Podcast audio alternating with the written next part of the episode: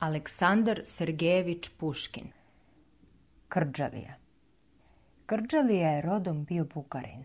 Krđalija na turskom jeziku znači vitez, junak. Pravo ime mu ne znam.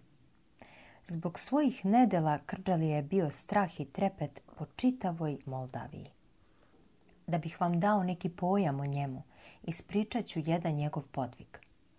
Jedne noći on i Arbanas Mihajlaki zajedno napadaše neko bugarsko naselje. Zapalili su ga s kraja na kraj i počeli da obilaze kolibu po kolibu.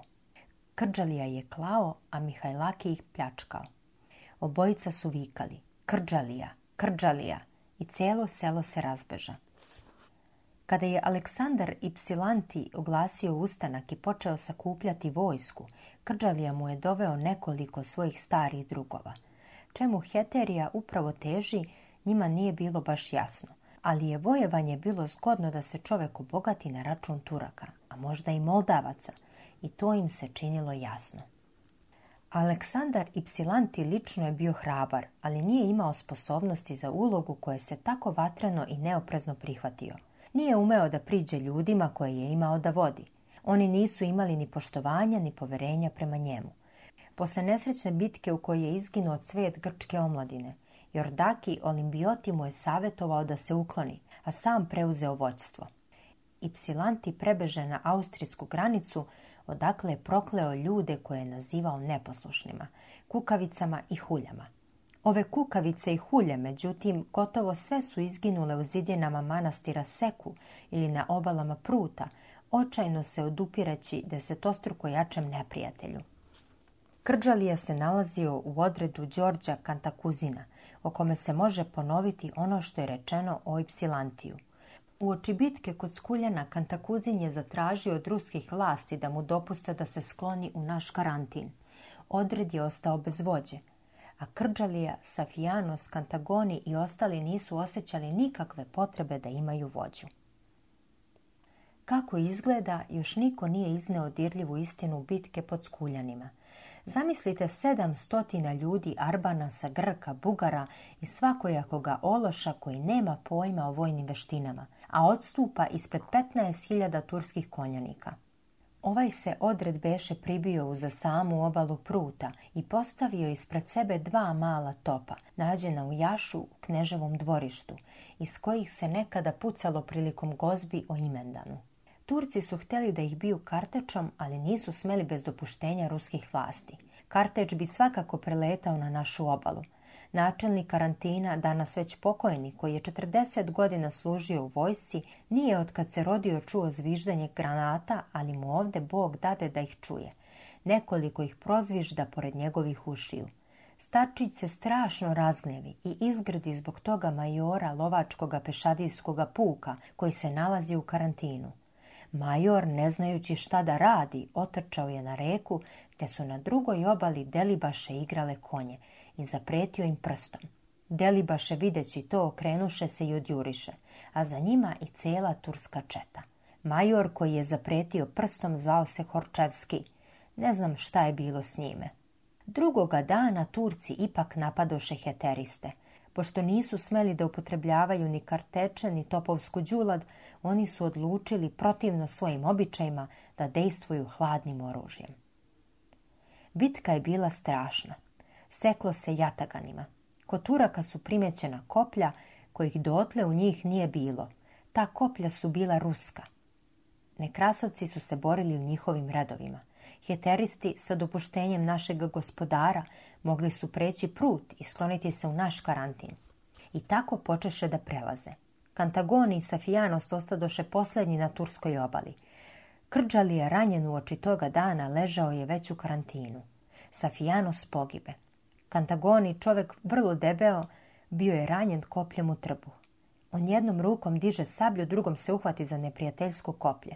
Zari ga dublje u sebe i tako je mogao dohvatiti sabljom svoga ubicu s kojim je zajedno pade. Bilo je sve svršeno. Turci ostadoše pobednici. Moldavija je bila očišćena. Oko 600 Arbana sarasu rasu se po Besarabiji, ne znajući čime da se ishrane. Oni su ipak bili zahvalni Rusiji što ih je spasla. Živeli su na dokolici, ali ipak ne i propalički.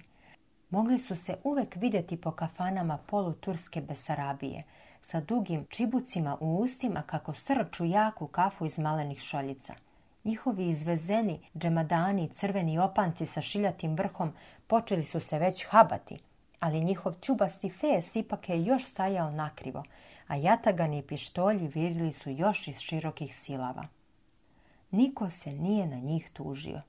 Nije se moglo čak ni pomisliti da su ti mirni siromasi, one čuvene moldavske klefte, drugovi strašnog krdačije i da se čak i on sam nalazi među njima – paša koji je upravljao u Jašu saznade za to i na osnovu ugovora o miru zatraži od ruskih vlasti da mu izdadu razvojnika.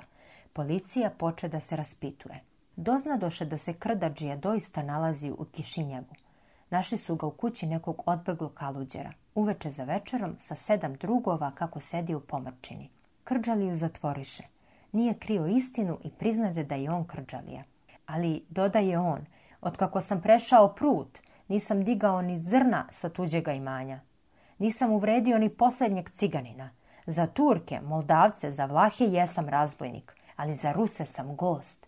Kada je Sofijanos, potrošivši svu svoju municiju, došao k nama u karantin, sakupljajući od ranjenika za posljednje metke dugma, deksere, lančiće i ukrase sa jatagana, dao sam mu 20 srebrnih bešluka i ostao sam bez novaca. Bog vidi da ja krđalija živim od milostinje. Zašto sada hoće Rusi da me predadu mojim neprijateljima? Poslije toga je učuta i mirno očekivaše rješenje svoje sudbine. Nije ga dugo čekao. Vlast nije obavezna da gleda na razbojnike romantičarski i ubeđena da je zahtjev ispravan, odlučila je da pošalje Krđaliju u jaš. Jedan čovek od uma i srca u to vreme, neznatni mladi činovnika koji sada zauzima vidno mesto, živo mi je opisao njegov odlazak. Na vratima zatvora stajale su poštanske karuce. Možda ne znate šta su to karuce. To su niska pletena kola u koja se još nedavno uprezalo šest do osam raga. Brkati moldavac sa šubarom od ovčje kože, sedeći na jednoj od tih raga s vremena na vreme vikao bi i pucketao bičem, a rage su jurile dosta krupnim kasom. Kad bi koji konj počeo sustajati, on bi ga isprezao u strašne psovke, ostavivši ga na putu i ne brinući se više o njegovoj sudbini. Vraćajući se, siguran je bio da će ga naći na istom mestu gdje mirno pase po zelenoj livadi. Nije bio redak slučaj da je putnik pošao iz jedne stanice sa osam, a doputovao sa dva konja. Tako je bilo pre 15 godina. Danas u Ruskoj Besarabiji primili rusku zapregu i ruska seljačka kola. Takve karuce su stajale na vratima zatvora 1821. godine, jednog od posljednjih dana mjeseca septembra. Jevrejke spuštenih rukava i klepećući papučama, arbanasi u svome poderanom i živopisnom modelu, stasite moldavke sa crnookom decom na rukama, behu se okupili oko karoca. Muškarci su ćutali, žene su goreći od nestrpljenja očekivale šta će se dogoditi. Vrata su se otvorila i nekoliko žandamerijskih oficira izađoše na ulicu. Za njima su dva vojnika izvela okovanog krđaliju. Bilo mu je po svoj prilici oko 30 godina.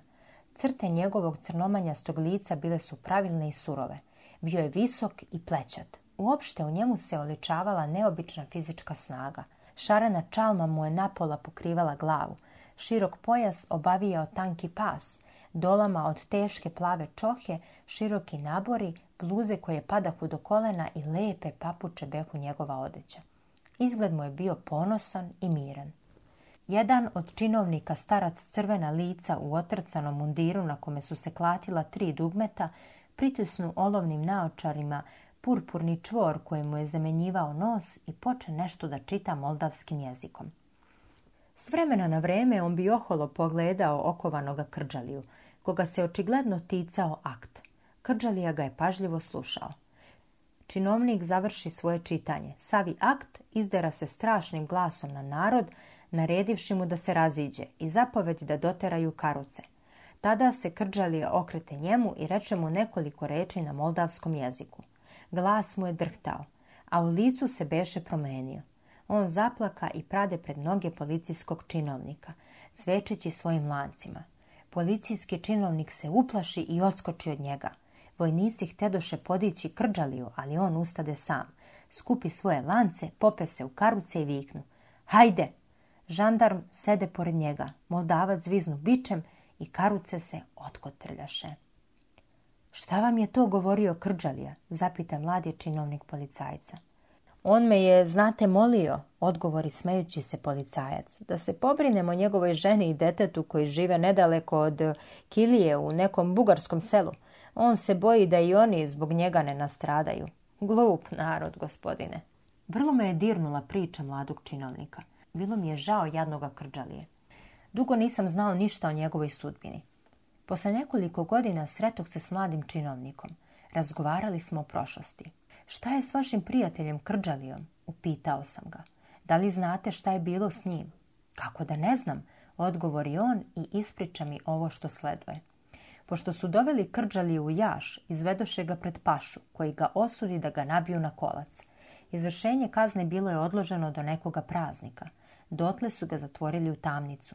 Nesrećnika su čuvala sedmorica Turaka, ljudi prosti i po duši, isti takvi razbojnici kao i Krđalija. Oni su ga cenili i pohlepno, kao svi istočnjaci, slušali su njegove čudesne priče. Tako se nevoljnik i njegovi stražari prisno zbližiše i Krđalija im jednom reče. Braćo, vreme mi je. Niko ne može izbeći ono što mu je suđeno. Skoro ću se rastati od vas. Želeo bih da vam ostavim nešto za uspomenu. Turci načuliše uši. Braćo, produži Krđalija, pre tri godine kada sam hajdukovao s pokojnim Mihajlakijem, zakopa smo u polju nedaleko od jaša kotao sa žućacima. Vidim da ni meni ni njemu neće pripasti to bogatstvo. Neka bude, uzmite ga sebi i prijateljski ga podelite. Turci prosto pošašaviše. Počeše da raspravljaju kako će doći do zakopanoga blaga. Mislili, mislili, pa odlučili da ih sam Krđalija povede. Nastade noć. Turci skidoše okove s nesrećnikovih nogu, vezaše mu konopcem ruke i pođoše s njime iz grada u polje. Krđalija ih povede. Držeći se jednog pravca, išao je od brežuljka do brežuljka. Išli su dugo. Najzad se Krđalija zaustavi kraj jednog velikog kamena. Odmeri 12 koraka od njega, idući na jug, trupnu nogom i reče, ovde je. Turci se rasporediše. Četvorica istrgoše svoje jatagane i počeše kopati zemlju. Trojica ostadoše na straži. Krđalja sede na kamen i poče da posmatra njihov rad. Šta je, hoćete li skoro? upita on. Iskopaste li? Ne, odgovoriše Turci, zapinjući da je znoje sve potokom lio s njih. Krđalija poče da biva nestrpljiv. Da čudna naroda, rekao je, ni zemlju ne znaju čestito da kopaju. Ja bih tu stvar svršio za dva minuta. Deco, Odvežite mi ruke i dajte jatagan. Turci se zamisliše i počeše se savjetovati. Pa šta? Odlučiše oni. Odvezat ćemo mu ruke, daćemo mu jatagan. Šta može on sam? On je jedan, a nas sedmorica. I tako mu Turci odrešiše ruke i dadoše jatagan. Najzad je beše slobodan i naoružan. Šta li je on u taj čas osjećao? On brzo poče da kopa, a straža mu pomagaše. Odjednom on zari u jednog od njih svoj jatagan i ostavivši mu sečivo u grudima, istrže mu iz pojasa dva pištolja. Ostala šestorica, videći da se Krđalija naoružao sa dva pištolja, razbežaše se. Danas Krđalija hajdukuje oko jaša. Nedavno je pisao knezu, tražeći od njega pet hiljada leva i preteći mu, ako ih ne preda, da će zapaliti jaš i zagnati se do samoga kneza – i pet hiljada leva mu dostaviše. Šta mislite o krđaliji?